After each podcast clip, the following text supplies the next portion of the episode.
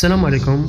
اون بوينت كوميونيتي معكم وليد غانم ايتيديون في الزوار وراني ندير لي بودكاست سبيسيالمون بور لي ايتيديون هاد السمانة كان عندنا لايف مع جميلة دواش ترينين سبيسياليست وعندها خبرة تاع 16 سنة وين حكينا كيفاش ليتيديون يوجد السي في تاعه من نهار اللي يدخل لافاك حتى يتخرج. كيفاش تخلي الرحلة الجامعية تاعك بلان ديكسبيريونس بلان دو موتيفاسيون وين في الأخير تخلي لو ريكروتور يخيرك أنت من بين العديد من الأشخاص اللي تقدموا من أجل هذه الخدمة؟ فوالا واش حكينا اي بون شانس ليكم كامل.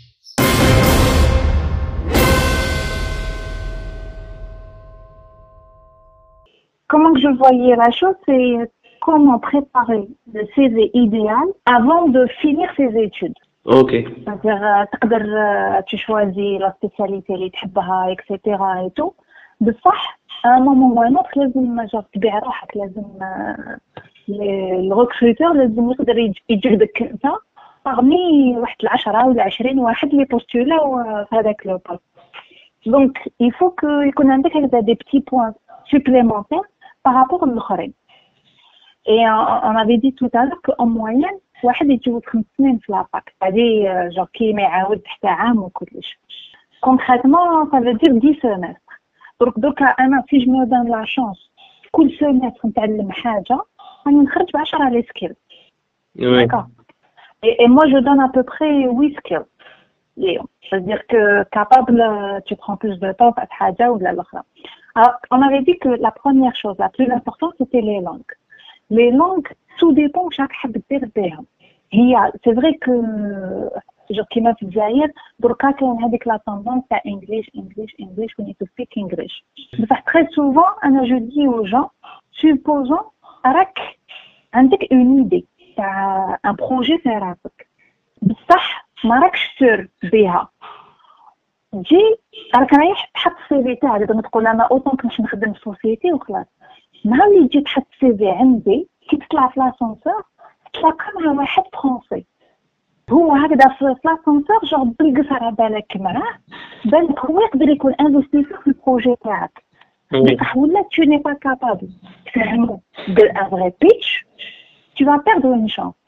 Donc, la langue, que ce soit le français, l'anglais, le turc, le chinois, le japonais, le lang- la, euh, la langue des signes, ce n'est qu'un skill. هذا واش لازم نحسبوها ماشي حاجة واحدة أخرى جونغ نديرها كيما لي سوفت سكيل سي ان هارد هي لا باس هي هارد سكيل دونك لازم تقراها تخدم عليها وتكتبها D'accord. Donc tout dépend. Et, et c'est vrai, on, on peut se baser sur l'anglais en essayant de le perfectionner au maximum. Ah, le but, le but c'est qu'il fasse oui, même si anglais, c'est la littérature, anglais professionnel. Voilà, hmm. professionnel, c'est du business, donc euh, tu as besoin de quelque chose. Et il est en général, quand tu as une nouvelle langue, on keep it as simple as stupid. Ça veut dire que il n'a aucune connaissance, mais il ne sait pas ce Oui. D'accord. Donc, c'est ça euh, le le minimum euh, des choses. Deuxième étape, on avait parlé de la communication. Donc, كيف ما قبيلات, on a un vrai problème حنا في الجزائر. الناس جو تجي تهضر مع واحد ديريكت يكوبيك ويقول لك لا لا ماشي هكذا ما فهمتنيش اكسيتيرا. لا كوميونيكاسيون سي فري لازم تهضر مليح بصح لازم تسمع. وهاد ليكوت de ce qu'on appelle active listening, c'est ce qui est de plus difficile à avoir. Parce que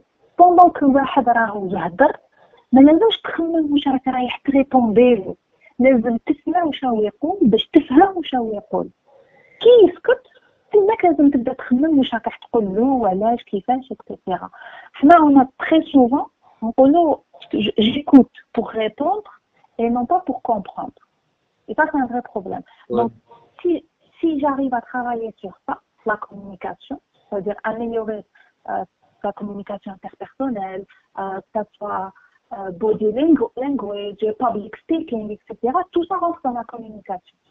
Et ça se travaille, qu'il y a des formations en ligne sur euh, YouTube, qu'il y a des TED Talks, etc. Donc ça reste quelque chose de très accessible. Mais si tu n'es pas obligé d'acheter une formation dans une école, etc. Après, le, le, la partie pratique. La partie pratique, ça va être avec les camarades à l'université, ça peut être avec les profs, ça peut être avec les parents, ou le cercle réel. Oui. OK? On va avoir un écrit. Alors, l'écriture, c'est très, très important parce qu'il faut être capable d'exprimer son opinion ou la, ses, euh, ses connaissances par écrit.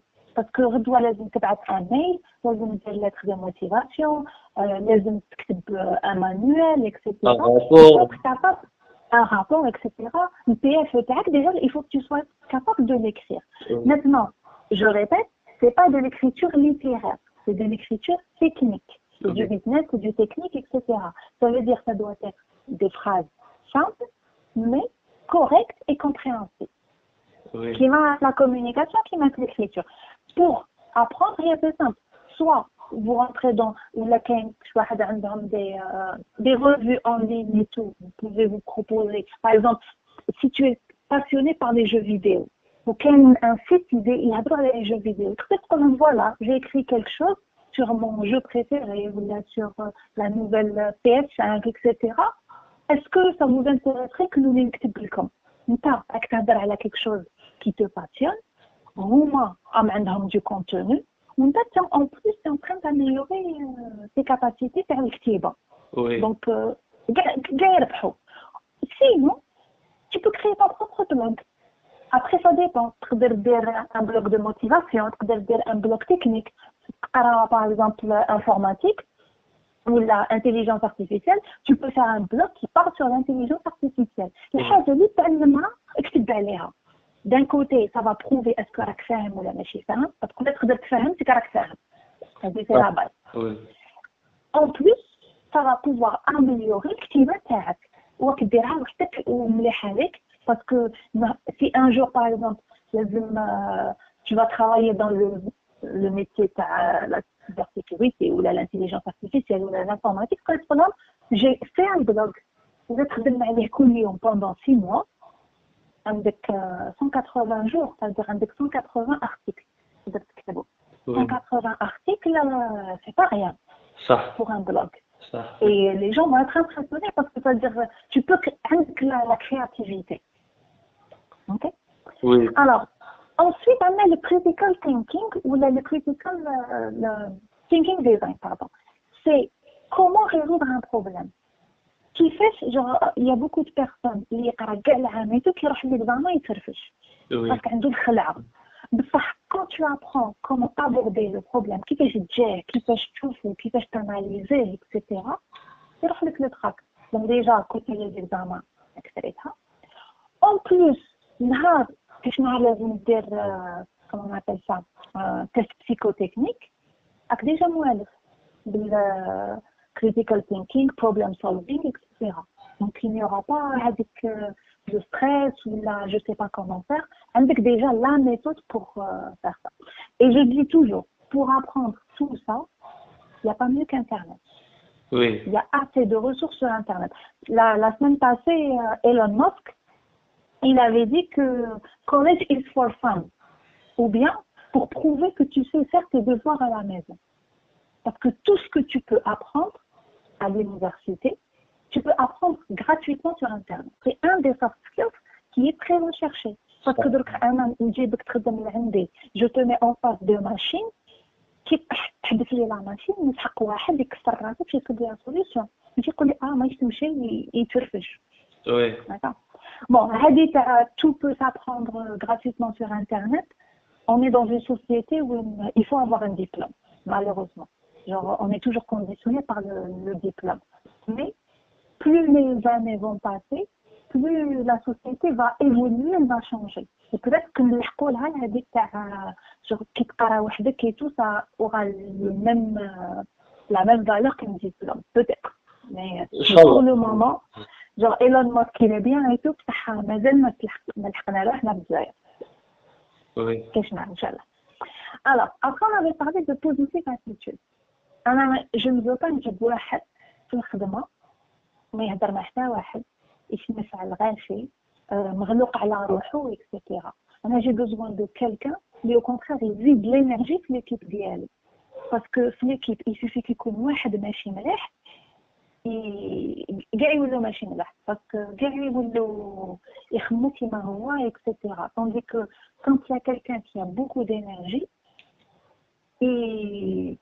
كيفاش يقولوا يحول عليهم il va les influencer voilà ماشي يحول عليهم il va les influencer Oui. d'accord donc et positive attitude c'est très très très très difficile parce que ما كاش منها الدنيا ماشي مانيفيك و Oui. لا في سي ce qu'il y a de plus beau et tout ما كاش منها كاع عندنا المشاكل كاع genre on se retrouve dans des situations qu'on n'arrive pas à résoudre etc mais il faut voir le bon côté des choses c'est-à-dire كي تكون مهرودة كامل il faut être capable تحمد ربي وتقول اليوم ما مشات غدوة واش راح تمشي faut avoir هذاك ال- l'espoir à- au au fond de soi باللي demain sera une meilleure journée parce que ربي راح يعاونك ربي معاك وما ما- genre ما راكش وحدك etc pour pouvoir développer tout ça parce que genre euh, c'est c'est quelque chose qui est très important pour moi c'est les livres et les TED Talks parce que c'est ce qu'il y avait de plus facile à avoir. Genre, des TED Talks, house motivation, positive attitude et tout. Euh, outma, tma, tma, tma. Et c'est surtout la manière avec les gens, ils présentaient au halak. Genre, ماشي اه وي حالة etc. يقول لك لا لا كاين مشاكل تحكي تكون مشاكل تعاود تولي critical thinking كيفاش tu essaies de trouver une solution etc. Donc euh, les deux sont très liés. Oui. critical Alors, pour préparer euh, euh, les, les différents skills, etc., j'ai fait un, un poll sur LinkedIn. Et j'ai- j'avais demandé what is considered a must in a fresh graduated student CV. Oui. Et les deux parties qui ont été les plus citées, c'était internship et volunteering. que ce soit des étudiants ou des recruteurs, etc. Alors, le volunteering, ça peut être association, Jamaïa, ça peut être un club, club pour les étudiants. Le but, c'est quoi? C'est de développer plus de euh, soft skills. Par exemple, avec teamwork, avec euh, meeting deadlines, avec performance management, avec monitoring management, etc. Tout ça est nécessaire pour un nouveau travailleur parce qu'il s'adapte dans une équipe, il respecte euh, les, euh, les deadlines, s'il arrive à donner le maximum de etc. Parce que si c'est du volontariat, on est très bien dans un club. Mais si c'est volontaire une euh, euh, association ou un member of euh, club, non, il faut dire exactement où je euh, si tu étais responsable par le recrutement des étudiants, call, euh, ou euh, l'organisation événements, il faut le dire, etc. Il faut être très précis. Le internship, c'est autre chose. Le internship, ça veut dire qu'il y a une expérience professionnelle, dans le monde professionnel. Ah, c'est un internship, internship. Donc, ah, ou même pas ingénieur électronique. D'accord? Voilà, que des options télécom. وأنا نحكي السي في تاعك نصيب اللي راك خدمت آه، بلوتو. خدمت راك درت ستاج 3 ans ان اير الجيري Oui. وين العلاقة مع التيليكوم هي سي فري درت ستاج. Ça veut dire que t'as vu كيفاش لا سوسيتي ترافاي بصح ما تقدرش دير لي ثلاث سنين اير الجيري هي جو كومبرون veut dire هذاك كش واحد يعرف كش واحد الاير الجيري بس يدير ستاج. باسكو هكذا تصرا داكور Oui. مي ديرها عام ماشي ثلاث سنين باسكو ثلاث سنين تولي لو ستاج راك ديرو تاع اوبليغاسيون ماشي باش تعلم Ok. اي سا انا وحده كي يلحقني ستاج كيما هذا بلوتو ان سي في كيما هذا يصرى لي بوغ ça m'embête نحطو de côté parce que je me dis je ne suis pas sûre qu'il qu'il va comprendre qu'est-ce que j'attends de lui Oui. Ok. Alors, maintenant, je suis d'accord que les stages, c'est très difficile. Surtout euh, où la تخدم dans une multinationale ou la même société euh, étatique. C'est très, très difficile. J'ai vu, il y a beaucoup d'étudiants qui disent, je n'en prends pas de stagiaires. Ou Là, quand on prend, c'est très, très rare. Oui. يجيبوا لنا يجيبوا لنا هذيك الورقه اللي يمبريميوها في الديبارتمون مكتوبه وعندك شي ديبارتمون يكتب اسمهم بستيلو ويسمي تاع demande de stage euh, veuillez s'il vous plaît euh, fournir euh, euh, donner un stage pendant ou la تاع PF ou là euh, pendant 3 à 6 mois pour les étudiants XY pour euh, l'option telle euh, etc هذا ما كان وراهي وعلاه نديك انت ما نديش واحد اخر moi je, ce que je conseille aux gens première chose c'est de faire une lettre de motivation c'est-à-dire هذيك الورقه ديها باسكو هذيك جايه من الديبارتمون تاعك دونك باين بلي بعثتك ليكول ولا لونيفرسيتي اي تو بصح écrire une lettre de motivation pour expliquer وعلاش stage هاد la société va lui permettre d'avancer dans ses projets après avoir fini ses études. Oui. انا quand je vais voir ça انا ماذا بيا نعاونو ماذا بيا بالك انا ما نقدرش نعاونو بالك هذيك لا ليتر ديالو ندها لديبارتمون واحد اخر ولا سوسيتي واحده اخرى اللي يقدروا يعاونا دونك هذه سي لا بروميير شوز كي تروح دير دوموندي ستاج دير لتر دو موتيفاسيون وعلاش حبيت هاد ستاج وماشي هذا وعلاش هاد هاد لا سوسيتي كاسكو فا ابورتي بور توا في لافير ديالك بالك سي اون تكنولوجي كي تانتيريس بالك سي لا سوسيتي اون elle même انت راك حتخدم فيها من بعد دونك tu veux faire un stage تماك باش تشوف كومون ça marche mais la, société, elle est connue pour avoir un type de management. type de management. Je ne demande pas des pages et des pages. Hein. Ça peut être juste une petite lettre avec un petit paragraphe, mais ça qui montre que l'étudiant a wahab. Ouais. C'est la première chose. Deuxième chose, pour le stage, la même chose, faire le tour. Quand des fois, la foire d'Alger, L'affaire internationale d'Alger, كاين ليسواغ تاع تبليت دي ستارت اب يا بلان دو بون هاد العام ما كاش دابيتود كاينين هاد لي Les, les, les أو au تروح تحط السي في تاعك تسمى حتى كي تكمل القرايه تروح تحط السي في لا روح قول لهم هاو لك السي في تاعي وهاي لك الناس دو موتيفاسيون بوكو جو فو فار ان ستاج شي في C'est-à-dire se renseigner sur تشوف qu'est-ce que ça peut t'apporter même si c'est une start-up بصح au contraire la start-up حتعلم لك la difficulté à réussir dans un monde qui connaît le nombre de, de personnes très limité, les ressources très limitées, où des fois il y a énormément de travail. Donc ça peut, ça peut aider, etc.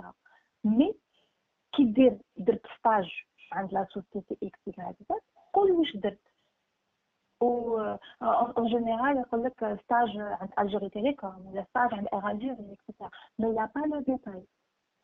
Oui. Peut-être qu'avec le détail, mais je vais voir que ah, il a appris comment travailler en équipe.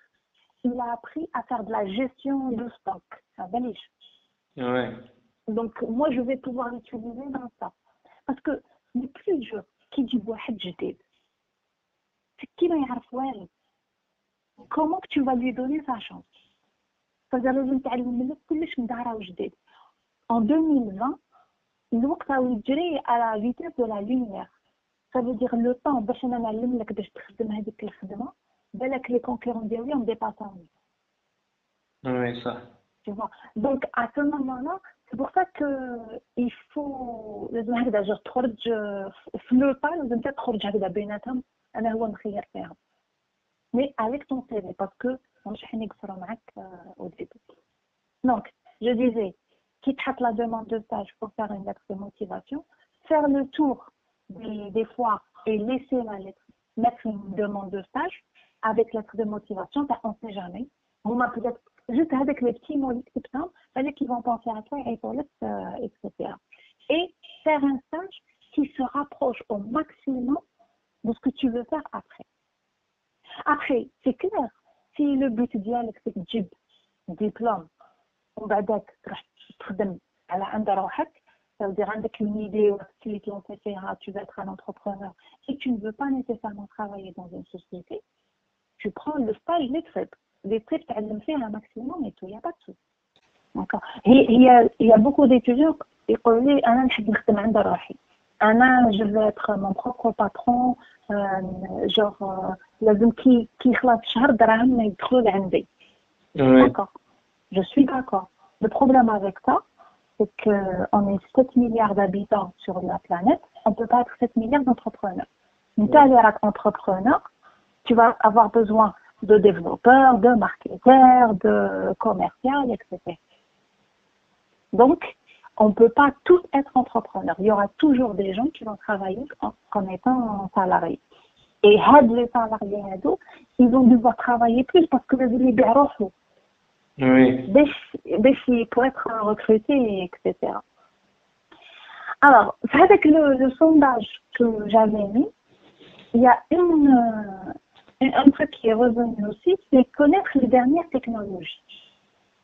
D'accord? Euh, Bon, moi, je donne toujours l'exemple des télécoms parce que c'est le domaine où je 2020, c'est l'année de la 5G. D'accord? Oui. Ça veut dire que, euh, dans le cas, tout le monde voudrait faire des sujets sur la 5G, PFE, la 5G, etc. Le problème, c'est que la 5G, ma bah, je suis derrière, bon, elle n'est pas encore déployée, etc. Genre, ce qui est fait pour le moment, c'est très théorique. Ce qui fait que la première personne qui va faire un PFE 5G est presque assurée d'être recrutée quelque part, soit un, opérateur ou un, fournisseur d'équipement. Pourquoi? Parce que 2020, Balk Mazel m'a démarré, 2021, là, obligé de démarrer. L'Algérie, je lance la 5G. Donc, il faut toujours garder avec un, un œil sur les nouvelles technologies. On peut pas, genre, tu peux pas te permettre de non, non. Il faut avoir un, un site web pour les nouvelles technologies ou les informations, etc.